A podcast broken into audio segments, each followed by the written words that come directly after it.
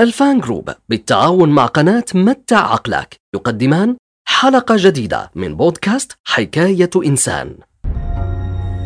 الدكتور مصطفى محمود الذي تعلق به المصريون من خلال برنامجه الشهير العلم والإيمان والذي أبحر بمشاهديه في ملكوت الله عز وجل ومنح المشاهد العربي فرصة نادرة لربط العلم بالطريق إلى الله تعالى. ولد الدكتور مصطفى محمود عام 1921 وهو مفكر وطبيب وكاتب وأديب مصري واسمه الكامل مصطفى كمال محمود حسين المحفوظ. ينتهي نسبه إلى علي زين العابدين وهو من الأشراف.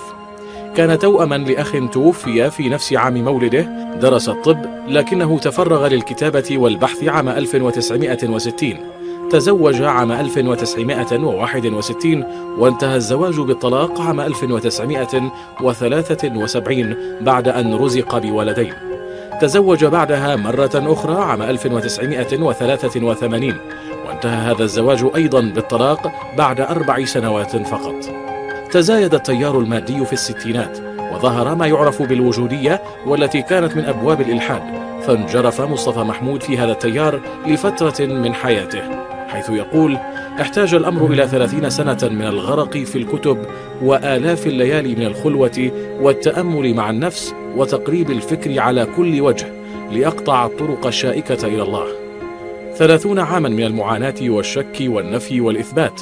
ثلاثون عاما من البحث عن الله قرأ فيها عن البوذية والبراهيمية والزرادشية ومارس تصوف الهندوس القائم على وحدة الوجود حيث الخالق هو المخلوق والرب هو الكون ذاته. الثابت عن الدكتور مصطفى محمود أنه في فترة شكه لم يلحد فهو لم ينفي وجود الله بشكل مطلق ولكنه كان عاجزا عن إدراكه كان عاجزا عن التعرف على التصور الصحيح لله. لا شك أن هذه التجربة صهرته بقوة وصنعت منه مفكرا دينيا خلاقا. لم يكن مصطفى محمود هو أول من دخل في هذه التجربة فقد مر بها علماء كبار آخرون مثل الجاحظ وأبو حامد الغزالي. وبعد رحلة طويلة لمدة ثلاثين عاما انتهت رحلة من الشك إلى اليقين بالله عز وجل بأفضل وأروع نهاية ممكنة وهي إصداره لمجموعة رائعة من الكتب. أبرزها حوار مع صديق الملحد ورحلة من الشك إلى اليقين وغيرها من الكتب شديدة العمق في هذه المنطقة الشائكة.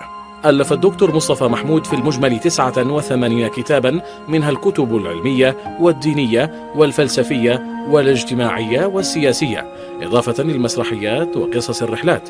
ويتميز أسلوبه بالجاذبية مع العمق والبساطة كما قدم 400 حلقة من برنامجه التلفزيوني الشهير العلم والإيمان. ويروي الدكتور محمود أنه عندما عرض على التلفاز مشروع برنامج العلم والإيمان وافق راصدا 30 جنيها للحلقة كميزانية. وبذلك فشل المشروع قبل أن يبدأ. إلا أن أحد رجال الأعمال علم بالموضوع فأنتج البرنامج على نفقته الخاصة ليصبح من أشهر البرامج التلفزيونية وأوسعها انتشارا على الإطلاق إلا أنه ككل الأشياء الجميلة كان لا بد من نهاية. للأسف هناك شخص ما أصدر قرارا برفع البرنامج من خريطة برامج التلفزيون المصري. تعرض لأزمات فكرية كثيرة كان أولها عندما قدم للمحاكمة بسبب كتابه الله والإنسان وطلب الرئيس عبد الناصر بنفسه تقديمه للمحاكمة باعتبارها قضية كفر إلا أن المحكمة اكتفت بمصادرة الكتاب. بعد ذلك أبلغه الرئيس السادات أنه معجب بالكتاب وقرر طبعه مرة أخرى كما عرض السادات الوزارة عليه أيضا ولكنه رفض قائلا أنا فشلت في إدارة أصغر مؤسسة وهي الأسرة فأنا مطلق فكيف بي أدير وزارة كاملة؟ الأزمة الثانية الأشد صعوبة كانت أزمة الشفاعة الشهيرة.